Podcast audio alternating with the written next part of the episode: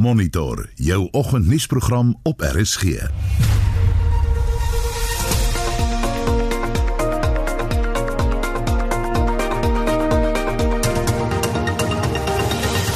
die program vanoggend die minister van Finansies Tito Mboweni word oor die vingers getik oor sy kritiek na die afdanking van Zambië se sentrale bankier. President Ramaphosa wishes to assure the government and people of Zambia that the unfortunate remarks do not reflect the views of the South African government and its people. The issue is being addressed to ensure that such an incident does not occur again. Maar dalk was Mboweni se kommentaar tog in die kol. president of a country should not be in a position to fire a central bank governor without due process. Na 7 kyk ons na 'n nuwe hoogtepunt in die voortgesette spanning tussen Lesotho en Suid-Afrika oor veediefstal. En ons besin oor die geheim van 'n gesonde en 'n salige ou dag. Goeiemôre, ek is Anita Visser. En ek is Gustaf Greiling, welkom by Monitor.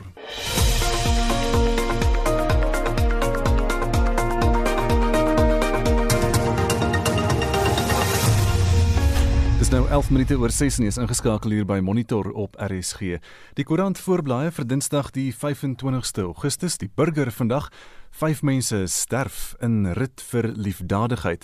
En dis al die besonderhede oor daardie botsing aan die Weskus waar 'n motorfiets se agterwiel glo aan 'n ander motorfiets geraak het. Die bestuurders beheer verloor het en in 'n aankomende bakkie vasgery het. Ook 'n berig wat sê ouers gevra om onderrig nie te ontwrig en 'n reuse hoendereier is weer op 'n plaas in die Parel ontdek. Die een is 162 gram. Beeld vandag ANC gryp Tito en Trevor en die party is ontsteld oor uitsprake van die twee veterane. Drama oor 'n tweet en 'n uitlating op die web. Dit het so ver gegaan dat die presidentsie amptelike verskoning uitgereik het aan Zambië toe Tito Mboweni sy opinie gegee het oor die afdanking van daardie land se sentrale bank baas. Manuel het glo op 'n webinar gepraat oor drie vermoste dekades. En daar's ook 'n berig uh hoe doen nou die praatwerk sê Onnie en dis uh, oor al die maskerdraery op skool deesdae. Volksblad se digitale voorblad moord op bure ruk boer albei deur aanvallers in Vrieskas toegesluit. Is beriggewing oor die Parys 6 saak en die mooi fotos van die Namakwalandse blomme wat vir jaar so uitsonderlik is. Business Day vandag Absa sit miljarde op sy vir slegte skuld na die koronaviruspandemie. Hulle maak voorsiening vir meer as 7 miljard rand se slegte skuld, maar ontleeders sê dis dalk selfs nie genoeg nie. Internasionaal op bbc.com Trump bevraagteken die integriteit van November se verkiesing tydens die opening van die Republikeinse Nasionale Konvensie en hy glo die demokrate gaan die verkiesing steel en gebruik onder meer die koronavirus om dit te doen. En is vinnige oorsig oor vanoggend se nuus. Intussen 'n toonaangewende studie wat die wetenskaplikes John Rowe en Robert Kahn teen die einde van die vorige eeu oor oud word gedoen het, word nou weer baie druk bespreek. Rowe en Kahn het 6 mites geïdentifiseer wat aan die pad staan van 'n gesonde ou dag. Byvoorbeeld, dat ouer mense sieklik is, dat hulle nie met verandering tred hou nie, dat hulle nie 'n nuttige bydrae tot die samelewing kan lewer nie. Nou ons berig later vanoggend in diepte hieroor, maar intussen wonder ons hoe jy die proses van oud word ervaar. Dink jy jy het genoeg gedoen om gesond en gelukkig te leef tydens jou ou dag? Mens praat ook hier finansiëel, né? Stuur vir ons 'n SMS na 45889. Dit kos R1.50 of gaan na facebook.com vorentoe skynstreep ZRSG of WhatsApp vir ons 'n stemnota na 076 536 6961 076 536 6961 14 oor 6 in die minister van vervoer Fikile Mbalula sê die regulasies oor drankverbruik moet verskerp word om te verseker dat mense nie drink en bestuur nie. Hy het eh, sonoggend die gesinne van 3 metropolisiebeamptes wat tydens 'n botsing dood is besoek. Mbalula sê hy steun 'n 0% alkohollimiet vir motoriste. Vincent Mufokeng doen verslag. Die drie beamptes is dood toe 'n voertuig met 'n ander voertuig gebots het, waarvan die bestuurder vermoedelik dronk was. Leë en vol drankbottels is in die voertuig van die verdagte gevind. Die bestuurder is ook op die toneel dood. Mbalula sê hy wil hê die regering moet wetgewing instel dat die vlak van alkohol in die bloed van bestuurders wat getoets word nul moet wees. This is now becoming what I call our daily bread. Unfortunately, as government, we've got to act. And uh, COVID or no COVID, alcohol and drunken driving is part of South Africa's problem and is part of my challenge together with the Minister of Police in the country and myself as Minister of Transport responsible for public transport and regulations in the Republic. There must be zero alcohol in your blood uh, going forward. No longer 0.5 and anything. The whole of the Republic agrees with that. Silelepo Mashilo is 'n familielid vir een van die beamptes, die 44-jarige Silas Pala wat in 'n grie-ongeluk dood is. Hy sê die gesin is verpletter. We as the Pala, the Tobejani family are devastated. It's painful and we don't know what to do. He died at 2 o'clock in the morning under curfew conditions, but he was working ensuring people obey the law. We are hurt. Intussen het die Tshwane Metropolisie onderneem om bestuur onder die invloed geensins op die paai te duld nie. Isaac Mahamba, die woordvoerder van die Metropolisie, sê hulle gaan hul oplettendheid vir enige oortredings versterk. We are saying will be tough we are going to make sure that people follow to the COVID regulations. They should obey the curfew. And again, people that are visiting those places of entertainment, they should not drink and drive. We are going to have those roadblocks around the city. We are going to make sure that we visit those places of entertainment. People should comply. If they don't comply, definitely they will be arrested. 'n Gedenkdiens vir die oorlede beamptes word later van dese week gehou. Vincent Mofokeng, SAICanis. Die saak teen die man wat glo die ANC-veteraan Mapiti Matsena vermoor het, is in die Landdroshof in Pretoria Noord tot Oktober uitgestel. Matsena is in Julie in sy huis in Doringpoort in Pretoria verskeie kere met 'n skerp voorwerp gesteek en in sy huis gedood. Hy was ten tye van sy dood die voorsitter van die gemeenskapsveiligheidsportefeulje in Gauteng. Lila Magnus het meer. Die staat het vir die uitstel gevra omdat die nadoodse verslag nog ontbreek. Die 29-jarige Francis Monoko Toka word van moord aangekla. Die tengerman het vlugtig in die Landdroshof in Pretoria Noord verskyn. Matsena se broer Abel het buite die hof gerugte ontken dat Toka familie van die Matsenas is. No, he's not a family friend. He's not. A, he just raised from the same village with my brother. He's not a family member, and my brother wants to normally take people to help them. He wants wants help work with his at his place. Yeah, he stays there. That's why he also do this uh, dirty job for himself. He know the terrain very well. Matsena is verskeie kere met 'n skerp voorwerp ten aanskoue van sy seun in sy kop, nek en bors gesteek. Abel Matsena sê hulle glo Toka wou gister skuld op die aanklagte erken omdat hy 'n paar keer in die hof aangedui het hy wil praat, maar sy regsverteenwoordiger het dit nie toegelaat nie. Today's proceeding was not fair based on the accused wants to confess something whereas his legal team he just opposes say he, and he, he done more than two, three times he raised his hand and he wants to confess and he also ask forgiveness to the family. He just raised his hand to forget the family so that he can forgive him. But he wants to say something from, despite the legal representative, which is his legal, I don't know, from legal aid, which is unfair for, for the family. Matsena se vrou en familielede het hardop begin huil en snik toe Toka by die hofsaal inkom. Toka het vroeër aangedui hy wil nie aansoek doen om borgtog nie en is steeds in aanhouding. Van die familielede het uit die openbare banke vir Toka gevra of hy nou tevrede is dat Matsena dood is, dat Toka 'n swart hart het en dat hy die waarheid oor die voorval moet praat. Abel Matsena sê elke hofverskyning is emosioneel uitmergelend vir die familie. The family we try to adjust ourselves but based on this today's proceeding it draws us back to the starting point. Die motief vir die aanval is steeds onbekend. From the investigation team, they say uh, he's having a qual, and I don't know whether it's a qual is was anger that was he sustained it for more than six months. Then he going to discharge it now. Some people speculate whether it's a political motive or what, but let's give the legal aspect or also the investigating team to check. Toka sal weer op 13 Oktober in die hof verskyn. Ek is Lila Magnus vir SAK nuus in Pretoria. 23 oor 6 in Suid-Afrika se minister van Finansies Tito Mboweni het dalk onwillekeurig die aandag die afgelope naweek op Zambië se fiskale probleme met sy oud ondiplomatisiese tweets gefestig. Zambië is in die nuus na die land se president Edgar Lungu die hoof van die sentrale bank Denny Kalaya afgedank het. Ons praat nou met Eamgard Erasmus, 'n finansiële ekonom en Zambië ontleder by NKC Afrika Ekonome. Eamgard, uh, goeiemôre. Goeiemôre, baie dankie vir die geleentheid. Hoe word hierdie afdanking in die finansiële wêreld gesien? Eerstens, dit was tamelik 'n semiere skok afdanking van 'n gerespekteerde sentrale bankier.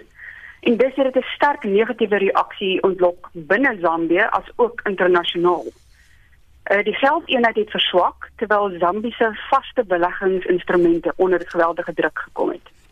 Gisteraand het ons ook gesien dat die IMF 'n kort stelling uitgereik het in erkenning van hierdie besluit om die sentrale bank leierskap te verwissel. En dit het basies neergekom daarop dat dit die integrale rol van die onafhanklike sentrale bank beklemtoon. Die reaksie van finansiële markte dui dus daaraan dat hierdie afdanking as 'n aanval op die onafhanklikheid van die sentrale bank geïnterpreteer kan word. Wat is die moontlike redes dink jy vir die afdanking? Uit die staanspoor wil ek net duidelik maak, ons dink nie die rede vir die afdanking is enigsins te doen met swak prestasie van meneer Koyojani. Inteendeel, hy het respek gewen vir die konservatiewe maar tog sensitiewe manier waarop hy die monetêre beleidskomitee deur moeilike omstandighede gelei het. Onder sy leierskap het Zambia se rentekoers verlaag en stimulus is deur verskeie kanale gebring om die verbruiker teen ekonomiese gevolge van die pandemie te beskerm. Selfs verlede week nog is die rentekoers verder afgebring na 8% toe. Verder is die konservatiewe manier waarop meneer Koljaja monetêre beleid bestuur het, een van die laaste ondersteuningspilare van Zambië se kredietgradering. Aan die ander kant uh, moet dit ook genoem word dat meneer Koljaja geweldige druk weerstaan om 'n meer populistiese benadering tot monetêre beleid te volg wat dus sou neerkom op effektiewe afskaffing van hulle huidige inflasie teikendoelwit. Met die rent, elke rentekoersbesluit aankondiging het meneer Koljaja ook van die geleentheid gebruik gemaak om die regering aan te spreek oor spandaardige besteding en hoë skuldvlakke. Verder is ons aanname dat die bedanking te doen het met die voorgestelde wetsontwerp op grondwetswysiging wat dus neerkom op die verlies van sentrale bank onafhanklikheid So dis dink ons meneer Kaljalia het druk weer staan van die regering om spandering te bankrol en hierdie weerstandigheid word dan geïnterpreteer as die rede vir die afdanking. Emgard, wat van sy opvolger, die die voormalige adjunkminister van finansies Christopher Mavunga, wat weet ons van hom? Meneer Mavunga is 'n rekenmeester van beroep. Uh maar meer kontroversieel is die noue bondgenoot wat hy blykbaar van die president, meneer Longo is. Uh daar is nog geen duidelike aanwysers wat gaan lig werp op die rigting van monetêre beleid onder meneer Mbunga se leierskap nie. Maar die vrees is dat dit dalk 'n meer populistiese benadering gaan wees. Die regering het reeds al hoe meer begin steun op sentrale bankfinansiering om die begrotingstekort uh, te finansier. En alle aanduidings is nou dat dit al hoe meer van belang gaan raak. Terselfdertyd, deur 'n bondgenoot van die president aan te stel tot sleutelposisie, kan die bal aan die rol gesit word vir die grondwetswysiging, waarna vernoem ek. So 'n wysiging sal effektief die president die mag gee oor internasionale ooreenkomste, spesifiek lenings wat deur die staat aangegaan word, sonder parlementêre oorsig. So dis sal die oppositie se mond gesnoer word in terme van enige insaag tot staatsleningsbesluite of selfs staatswaarborge vir skuld wat aangegaan word deur staatsbeheerde instansies. Spesifiek dink ons nou aan Zesco wat hulle identiteitsverskaffer is. Uh dit verwyder verder ook deursigtigheid in terme van die bedrae, die bepalinge en voorwaardes van leningsooreenkomste wat effektief gaan neerkom op die verbrokkeling van aanspreeklikheid en rekenskap aan die publiek in terme van die skuld wat Zambia aangaan. Imgard, baie dankie Imgard Erasmus is 'n finansiële ekonom in Zambië ontleder by NKC Afrika Ekonome. Na ander deel van die wêreld dokters by die Siberiese Hospitaal waar die Russiese oppositiepolitikus Alexei Navalny behandel is, sê alhoewel hy sy lewe gered het, was daar geen teken van gif in sy gestel nie. Navalny is intussen na Duitsland vir behandeling gevlieg en ook omdat aktiviste groepe glo sy lewe word in Rusland bedreig. Dokters by die hospitaal in Omsk wat Alexei Navalny behandel het, het 'n nuuskonferensie toegespreek. Die hoofdokter van die Omsk noodstasie 1, Alexander Mukarovsky, sê dat Navalny se lewe gered. Alexei Navalny was in 'n koma toe hy hier kom. Noodstasie 1 het sy lewe gered met baie moeite en werk. Daar kan nie nou met hom gepraat word nie. Hy sê hoewel Navalny geen simptome getoon het toe hy by die hospitaal aangekom het nie, was hy in 'n koma. Dit kon op veelerlei moontlike toestande gedui het. Daar bestaan 'n vermoede dat Navalny dalk vergiftig is. Die politieke aktivis is 'n bekende opponent van president Vladimir Putin se regering. Maar die adjunkhoof van die hospitaal, Anatoly Kalichenko, sê daar's geen bewyse vir vergiftiging gevind nie. As ons 'n soort gif gevind het wat op een of ander manier bevestig is, sou dit vir ons baie makliker gewees het. Dit sou 'n duidelike diagnose, 'n duidelike toestand en 'n bekende behandelingskursus aangedui het.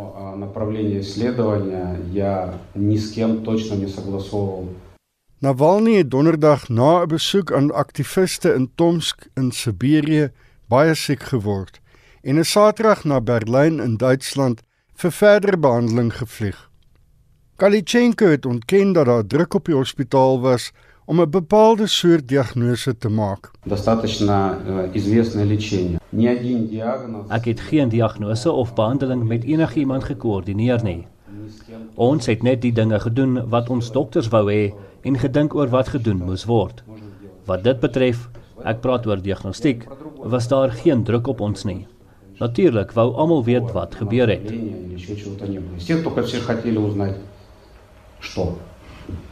Hy sê twee verskillende laboratoriums het toetse gedoen, maar dat dit negatief vir gif was.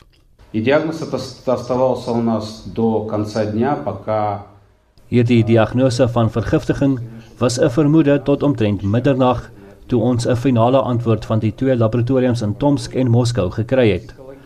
Hulle het gesê dat geen gifstowwe of produkte geïdentifiseer kon word nie. Omdat geen gifstowwe gevind is nie, het ons besluit om ander diagnostiese opsies te ondersoek en met die behandeling voort te gaan.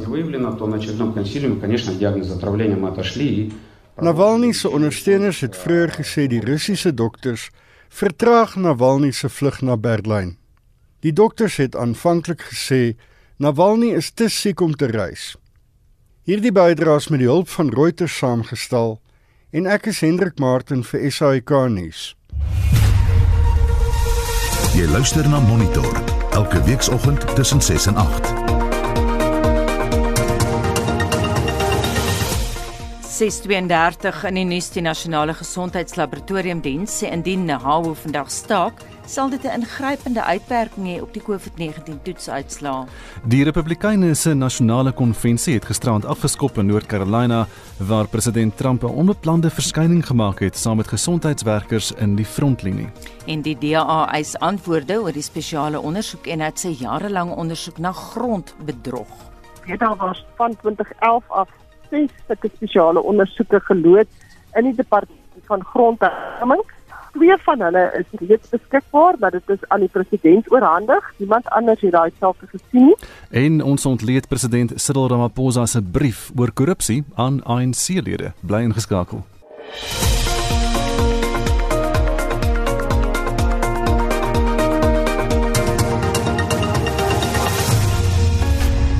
Estie Anita Chrissy van der Merwe laat weet ek is nou gesonder as toe ek jonk was. Ek loop gereeld amper 5 km. Ek doen tuinwerk. Ek het 'n Magnum stokperdjies. Ek maak teddybere, skilder, brei, hekel, bak en baie ander kreatiewe goeders. Ek bly besig en dan is daar nie tyd vir oud word nie. Bets Ferreira laat weet, kyk baie verander, maar ons het gevind dat jou lewensblyheid van kardinale belang is. Dan is die kwale finansies, verhoudings, gesondheid en daaglikse lewe baie meer sinvol. En ons vier elke aand met 'n rooi wyntjie en 'n whisky. Ons is 70 plussers. Gwyneth Holtzhausen sê ek is 52 maar ek voel 92 met reumatoïede artritis in my skouers. Ek slaap al vir 'n week baie sleg as gevolg van my pyn en ek het nie nou geld vir inspuitings by 'n reumatoloog nie. Ek wou definitief nie so oud geword het nie. Randy Young sê toe daar vanne uitgedeel is, het my voorvaders al voorsiening gemaak vir oud word ek is baie gelukkig en ouderdom is net 'n getal, maar ek het empatie met diegene wat sê dat ouderdom gepaard gaan met pyn en swak gesondheid. Deesdae is daar baie vitamiene en aanvullings om ouderdom langer weg te hou. En dan sê Elsje van der Linde, ek was 'n onderwyseres en ek woon op Veldrif en is 77. Ek werk nog 2 dae van die week as amateur botanis vir betrokke en is betrokke as burgerwetenskaplike op die Malgas eiland. Ek is geseënd met goeie gesondheid en ek ploeg terug in die gemeenskap. Ons praat vandag oor die toonaangewende studie wat die wetenskaplikes John Rowe en Robert Kahn teen die einde van die vorige eeu oor oud word gedoen het en ons en dit word nou weer druk bespreek. Rowe en Kahn het ses mites geïdentifiseer wat in die pad staan van 'n gesonde ou dag, soos byvoorbeeld dat ouer mense siek is, dat hulle nie met verandering kan byhou nie en dat ouer mense nie 'n nuttige bydrae tot die samelewing kan lewer nie. Dit is alles mites. Ons berig vanoggend later hieroor, maar intussen wonder ons hoe jy die proses van oud word ervaar en of jy dink jy het genoeg gedoen om 'n gesonde en gelukkige ou dag te verseker. Stuur 'n SMS vir ons na 45889. Onthou dit kos R1.50. Gesels saam op ons Facebookblad by facebook.com vorentoe skynstreep ZARSG of WhatsApp vir ons stemnota na 076 5366961. 23 minute voor 7 en Shaun Jooste fokus vanoggend in sy sportbydra op die jongste ranglyste en puntelere. Die Amerikaner Dustin Johnson is die golfwêreld se nuwe nommer 1 manspeler na sy oorwinning by die Northern Trust Ope oor die naweek. Gondram van Spanje is tweede met nog Amerikaner Justin Thomas derde. Suid-Afrika se Louis Oosthuizen klim met twee plekke na 24ste, Erik van Rooyen met een plek na 46ste en Christian Besaidnout bly 49ste. Die top 3 vroue is Jin Young Ko van Suid-Korea, die Amerikaner Danielle Kang en Sung Yun Park ook van Suid-Korea. Suid-Afrika se Ashley Buy spring met 'n reuse 17 plekke na 89ste danksy haar goeie vertoning by die Britse Ope oor die naweek. In die cricketwêreld is daar geen verandering onder die top 3 spanne op die ICC se toetskampioenskappe punteleer nie, aangesien die derde en laaste toets tussen Engeland en Pakistan nog aan die gang is. Pakistan het dag 4 op 100 vir 2 in hulle tweede beurt geëindig en moet nog 210 lopies aanteken om Engeland weer te laat kolf. Die Engelse naadbouler James Anderson kort nog een paaltjie om die eerste naadbouler te word om 600 toetspaaltjies plat te trek. Sokker. Die top 4 span op die PSL punteleer is Kaizer Chiefs op 53, Mamelodi Sundowns op 50, Wits op 45 en SuperSport United op 44 punte. Elkeen het 4 wedstryde oor. Sundowns het Golden Arrows gisterand met 1-0 geklop. Maritzburg United en Wits het 0 elk en AmaZulu en Bloemfontein Celtic 2 elk gelyk opgespeel. Tennis. Verlede week se top 3 mans en vroue spelers bly onveranderd. Die mans is Novak Djokovic van Servië, die Spanjaard Rafa Nadal en Dominic Thiem van Oostenryk. Suid-Afrika se Lloyd Harris klim met 1 plek na 97ste en Kevin Anderson val met 1 plek na 124ste. Ryan Klassen is 12de op die dubbelsranglys. Die top 3 vroue spelers is Ashley Barty van Australië, Simona Halep van Roemenië en die Tsjeeg Karolina Pliskova. Rugby. In Australië se plaaslike Super Rugby reeks is die Brumbies die voorlopers op 23 punte. Die Reds is tweede op 21 en die Waratahs derde op 15 punte. Die Rebels het 13 en die Western Force 3 punte. Die Pro 14 reeks is ook weer aan die gang, maar die Cheetahs en Kings kan weens Suid-Afrika se inperkings nog nie deelneem nie. Die Cheetahs is 4de in afdeling A op 32 punte en die Kings heel laaste in afdeling B op 7 punte. Leinster op 65 en Edinburgh op 51 punte is die groep voorlopers. Motorsport. Die Fransman Fabio Quartararo is die voorloper op die MotoGP punteleer met 70 punte agter sy naam. Die Italiaaner Andrea Dovizioso is tweede op 67, die Aussie Jack Miller derde op 56 en Suid-Afrika se Brad Binder vierde op 49 punte. En laastens in die fietsry wêreld is Slovenië se Tadej Pogačar en Primož Roglič eerste en tweede met Jacob Fuglsang van Denemarke derde. Suid-Afrika se Darryl Impey is 69ste. Shaun Schuster, SAK Sport. President Cyril Ramaphosa se brief oor korrupsie aan ANC-lede het wyd reaksie uitgelok. In die brief sê hy dat die ANC dalk nie alleen in die beskuldigde bank is nie, maar dat die party wel beskuldigde nommer 1 is. Ramaphosa het veral ook na korrupsie met kontrakte vir mediese beskermingstoerusting verwys wat vir die stryd teen COVID-19 bedoel is en ons praat nou met die politieke ontleder JP Landman. JP, goeiemôre. Uh, môre Gustaf, môre Anita. So verskeie oppositiepartye en politieke kommentators het sinies op Ramaphosa se brief gereageer. Dink jy die trant van die brief is sterk genoeg of is jy net bly hy het daarom geskryf? Wel, ek dink dis 'n spasie wat mense moet dop en kyk hoe dit ontvou. Niemand kan voorspel wat gaan gebeur nie en ek dink die mense wat uh, die mense wat vinnig spring om te sê dis niks werd nie, uh hulle mag reg wees, maar die kans is so goed dat hulle verkeerd is. Uh so ek dink mense moet versigtig wees daarmee.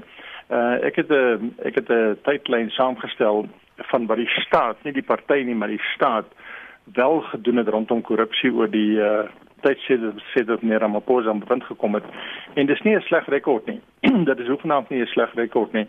Twee goed staan uit. Die een is dat uh uh daar is gevolge vir 'n klomp mense. Ons het nog nie mense in oranje uniforms nie. Dis waar. Uh en om daai rede dink baie mense, baie luisteraars van RSG seker ook dat daar is geen gevolge nie, geen konsekwensies vir mense se wandare nie. Maar dis hoegenaamd in die geval nie. Daar's 'n klomp klomp mense wat huise verloor het, wat hulle karre verloor het, wat hulle bates verloor het, wat hulle pensioene verloor het omdat daar deur die siviele proses aksie teen hulle geneem is deur die owerhede. Uh en en dit is aanduidend van van die die die skoonmaakproses waarmee daar binne die staat besig is. Nou is die vraag uh dit wat meneer Ramaphosa binne die staat reg gekry het en dit is om die staatsmasjinerie te gebruik om agter mense aan te gaan, kan hy dieselfde tipe van omdraai bewerkstellig in die ANC. En daaroor wil ek maar nie eh, Gustaf nou al eh, oor uitlaat nie. Laat ons kyk hoe dit ontwikkel. Jy weet mense is altyd baie vinnig om voorspellings te maak van dit gaan gebeur en dat gaan gebeur. Hmm. Ek is nie in die voorspellingsbesigheid nie. Ek kyk maar net wat gebeur en stip dit aan. Ehm um, laat ons sien, laat ons sien hoe die ding, hoe die stryd in die ANC oor die volgende tye ontvou. Daar is 'n persepsie JP onder luisteraars en onder Suid-Afrikaners dat daar niks gedoen word teen korrupsie nie. Mm. Jy het nou gesê jy het gekyk na die tydlyn, jy het gekyk na die rekord en jy's nogal beïndruk. Wat het jou die meeste beïndruk? Wel, al die goed wat hy in Februarie 2019 gesê het hy gaan doen. Dit is nou dit is nou omtrent 18, 19 maande gelede al die goed wat hy in Februarie 2019 tydens sy State of the Nation toespraak gesê het hy gaan doen, dit is sedertdien aangestel. Hy het gesê uh, hy gaan vandag 'n voorsiening gemaak word vir die inbring van privaat sektor ekspertise by die NPA om die NPA te help. Uh dit was in Februarie. In Oktober is daar 38 miljoen rand in die tussentydse begroting daarvoor begroot en ons het onlangs in die koerante gelees dat mense soos uh Jeff Butler en uh en Wim Kringrove aangestel as as konsultante by die NPA. Daar loop die lyn baie duidelik. Hy het ook in Februarie 2019 gesê hy gaan 'n spesiale eenheid stig wat gaan fokus net op state capture sake, staatskapingssake. Daai eenheid is in April daai jaar gepromoveer in die staatskoerant en Mei is Hermione Cronje aangestel en hulle het 'n bedrag geld gekry in die Oktober begroting. Ehm um, in onlangs hierdie maand nog uh, is die regulasies van die Zondo-kommissie uh, verander die, die president om dit nou moontlik te maak om getuienis by die Zondo-kommissie te gebruik in uh, hofsaake deur hierdie spesiale ondersoekeenheid. So weer eens as jy teruggaan en jy kyk wat gebeur oor 18, 19 maande, dan is hy besig om sy wat die Engelse sal noem sy game plan te ontplooi. Uh, 'n derde voorbeeld wat ek vir jou kan gee is uh, hy het ook gesê toe daar gaan 'n spesiale tribunaal gestig word om die SEU die die spesiale ondersoekeenheid te help om vinniger geld te vorder van mense wat uh, gesteel het en uh, deur ekonomiese wandrywe die geld bekostig het en dit is gedoen.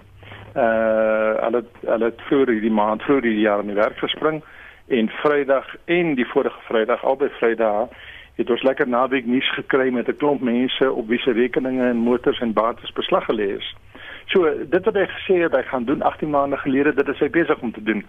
En ek dink die mense wat so vinnig is om te sê ek kan niks doen binne die ANC nie, moet dalk net dit hierdie hierdie trek rekord uh, in gedagte hou want uh, dit die rekord sê vir jou dat hy 'n bepaalde doel en oor tyd werk hy daarin.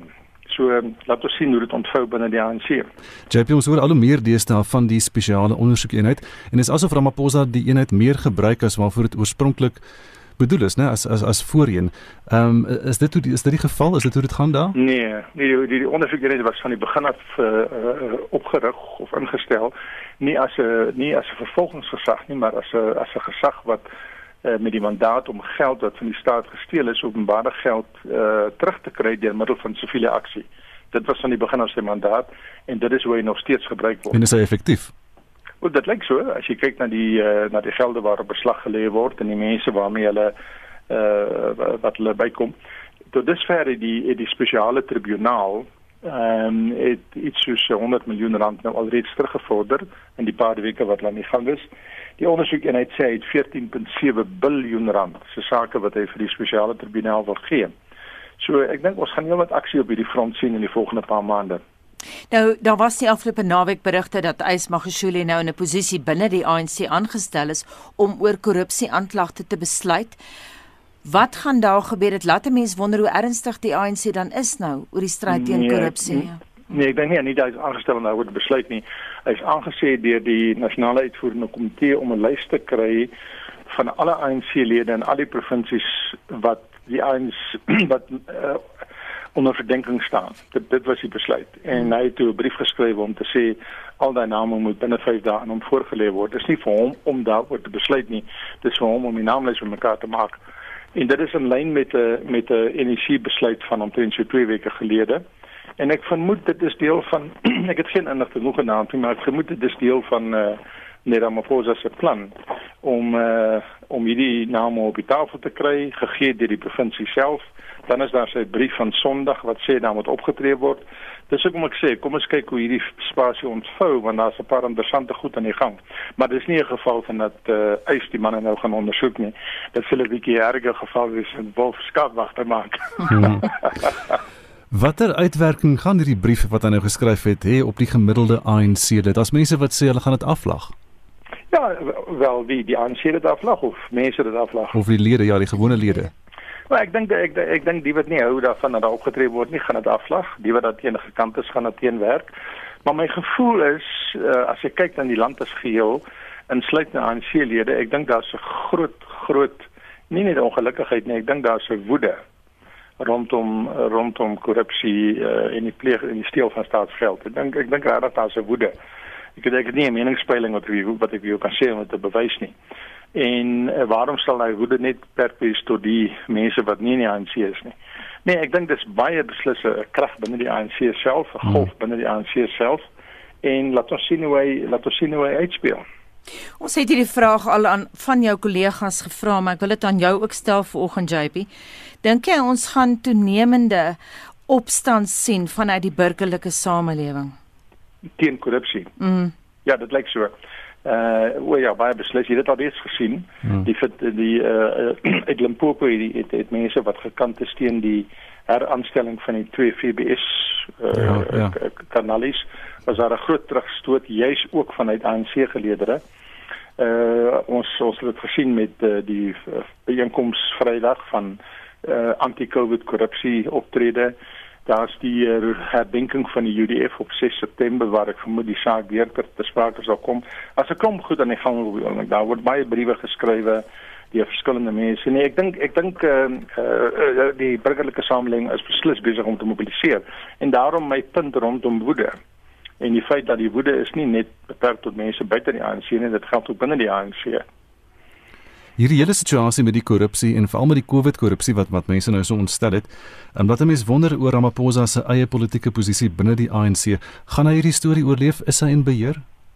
Ek dink hy uh, uh, kyk, kom ek stel dit so. hy is uh, 2 en 'n half jaar gelede verkies met 'n hmm. uh, papier dan meerderheid van 179 stemme.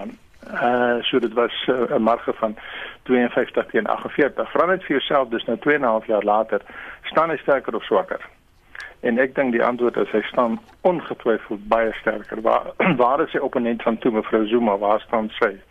Is hy regtig die persoon wat teenoor kan opstaan? Uh, ons weet dat uh, mevrou Lindiwe Sisulu die minister van waterwese wil hom graag aanvat. Hmm. Gaan die ANC gaan die ANC hom nou damp en haar gebruik?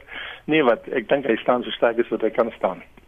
JP Bey, dankie dit was die politieke ontleder JP Landman. En ons bly by die politiek. Die DA eis dat president Cyril Ramaphosa dadelik die verslae van die spesiale ondersoekeenheid oor verskeie grondhervormingssake bekend maak. Die ondersoeke dui glo op korrupsie by grondhervormingsprojekte. Slegs die president kan die verslae bekend maak. Die DA se woordvoerder oor landbou, grondhervorming en landelike ontwikkeling, Anet Stein, sê dit gaan oor 6 ondersoeke wat reeds in 2011 begin is en waarby meer as 260 mense betrek word. Ek dink die belangrikste is vir mense om te besef dat die president is die enigste persoon wat opdrag kan gee aan die spesiale ondersoekeenheid. Soos wat hy nou onlangs gedoen het met die COVID PPE SOP gevra die spesiale ondersoekeenheid het sake ondersoek. So hy gee opdrag vir spesifieke ondersoeke wat hy wil geloods hê. So daar's 'n tydraamwerk aan betrokke en dan sal hy ook sê watter spesifieke aksies verwag hy. Die ondersoekeenheid ondersoek dan daai sake en gee dan terugvoer aan die president.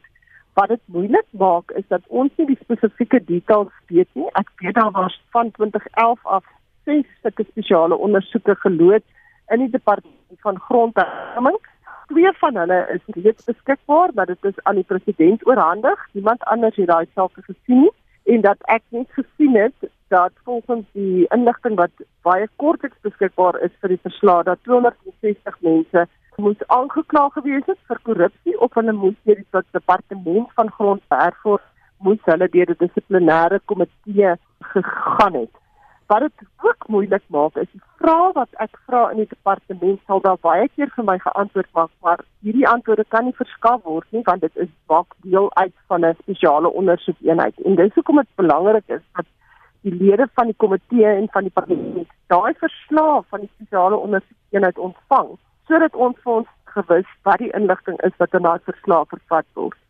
Watter tipe bedrog jy noem in jou verklaring 'n taamlike ryk man wat grond gekry het? Ja, dit is nie deel van die ondersoekeenheid nie. Ek het daai voorbeelde genoem as voorbeelde waarmee ek heidaglik werk. Wat wys wat se tipe onheilighede binne die departement gevoer word omdat niemand weet wat hulle doen nie. En dit is hoekom dit belangrik is dat daai verslae bekend gemaak word sodat ons kan sien wat was ondersoek, wat was die bevindinge.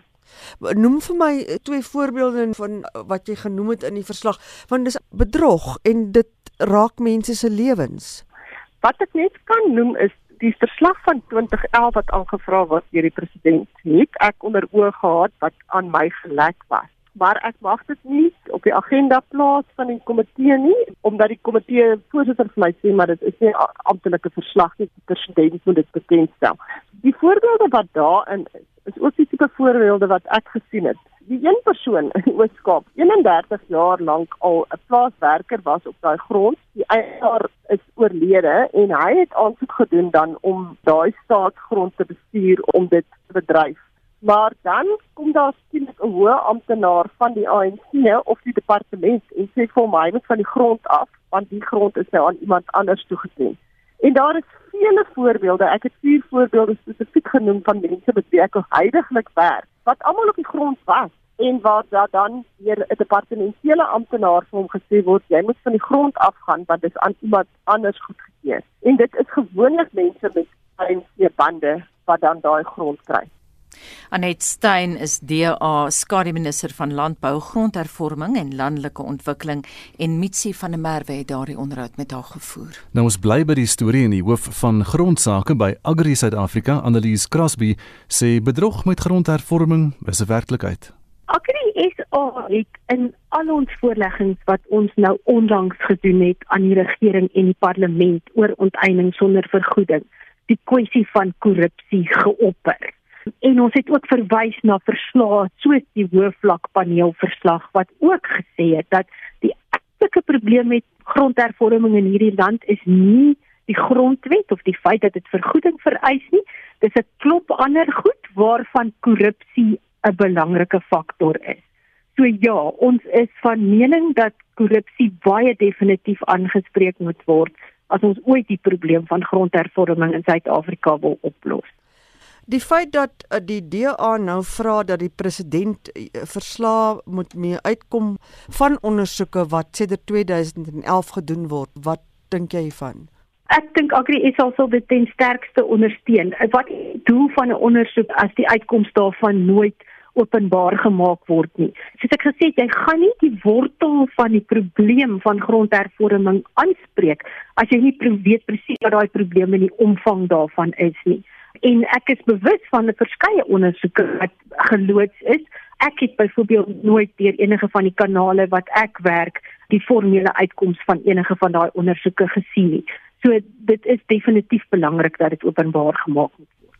Die staat se beleid is blykbaar om grond in grondhervorming aan begunstigdes te verhuur en dra nie die titelakte van hierdie grond oor aan hierdie huurders nie. Dit is nou blykbaar sedert 2009.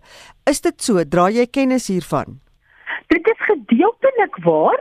Mense kry mos die drie programme van grondhervorming, restituisie, herverdeling en besittreghervorming. Nou die een waar die oordragte oor die algemeen nie plaasvind nie, is die herverdeling in terme van die sogenaamde PLAS program of Proactive Land Acquisition program. Die tendens daar was gewees om die grond in die staat hande onder die staat se titel te hou en nie titel oor te dra nie.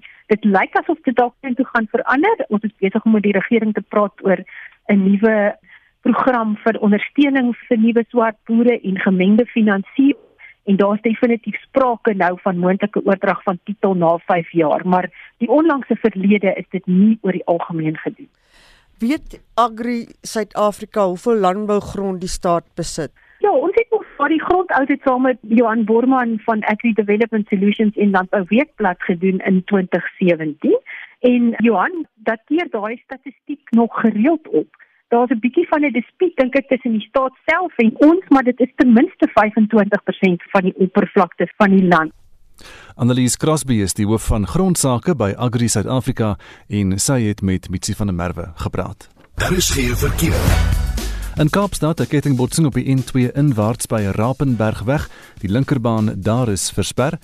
En dan kyk ons na voertuig wat staan op die N7 noordwaarts na die N1. Die linkerbaan daar is ook versper in Kaapstad. In Johannesburg 'n voertuig staan op die N3 noordwaarts net voor van Burenweg en die afrit daar is versper. KwaZulu-Natal is 'n botsing op die hoek van JG Champion en Sanford en dan is daar in Johannesburg Dit is die van Burenweg ene en dan is daar in Pretoria. Die voertuig wat staan op die N1 suidwaarts na die proefplaas wisselaar, die linkerbaan daar is versper in KwaZulu-Natal, die uh, botsing op die N3 weswaarts na Chatterton weg, die noodbaan is daar versper. As jy weet van enigiets anders, dan kan jy vir ons 'n SMS aanstuur na 45889 en dit kos R1.50. En daar baan jy toe sommer die weg vir ST. ST hoe lyk hy terugvoer? Anita Sari sê ek is 73 jaar jonk. Ons wil nog liefgehê word, ons wil nog dans vrolik wees, ons is nog laf. Ons wil toer, rondry ensovoorts. Aftree op 65 is 'n mite. Ek het skool gehou tot op 72 jaar. Wie wou oud wees? Melody van 'n berg sê ek is baie happy in my 73 jarige lyf. Ek laat nie Ek laat net nie die ou vrou by die agterdeur in nie. Martie Fourie sê ouderdom is net in jou kop. Maak daai paradigma skuif oor ouderdom en jy word baie gelukkig oud. Gooi weg die idees oor ouderdom. Jong mense kry ook pyne en ellende. Josie de Lange skryf: Ek sal sê daai twee moet weer terug gaan skool toe. Die ouer mense het baie langer geleef voor die wetenskaplikes begin dink het. Hulle is slim deur die wêreld met wetens met wetenskap te probeer verander. En Erika sê ek is 70, ek werk nog voltyds as 'n assistent vir 'n finansiële adviseur. Ek doen my eie huiswerk en tuinwerk en ek is dankbaar vir my goeie gesondheid. Ons wil vandag by jou weet, hoe voel jy oor die proses van oud word? Hoe ervaar jy dit en dink jy jy het genoeg gedoen om 'n gesonde en gelukkige ou dag te verseker? Stuur vir ons 'n SMS na 45889. Onthou dit kos R1.50. Gesels saam op ons Facebookblad by facebook.com vorentoe skynstreep ZARSG of WhatsApp vir ons stemnota na 076 536 6961. En as jy 'n boer is, bly ingeskakel net hierna so 5-6 minute oor 7 se kant gaan ons fokus op die probleme wat die boere in die Lesotho omgewing het in terme van skaapsteel en beesteel. Ons praat met boere, ons praat met 'n politieke ontleder, ons praat ook met die DA in die provinsie. Bly by ons. Dit bring ons by 7 uur. SAK nuus. Onafhanklik, onpartydig.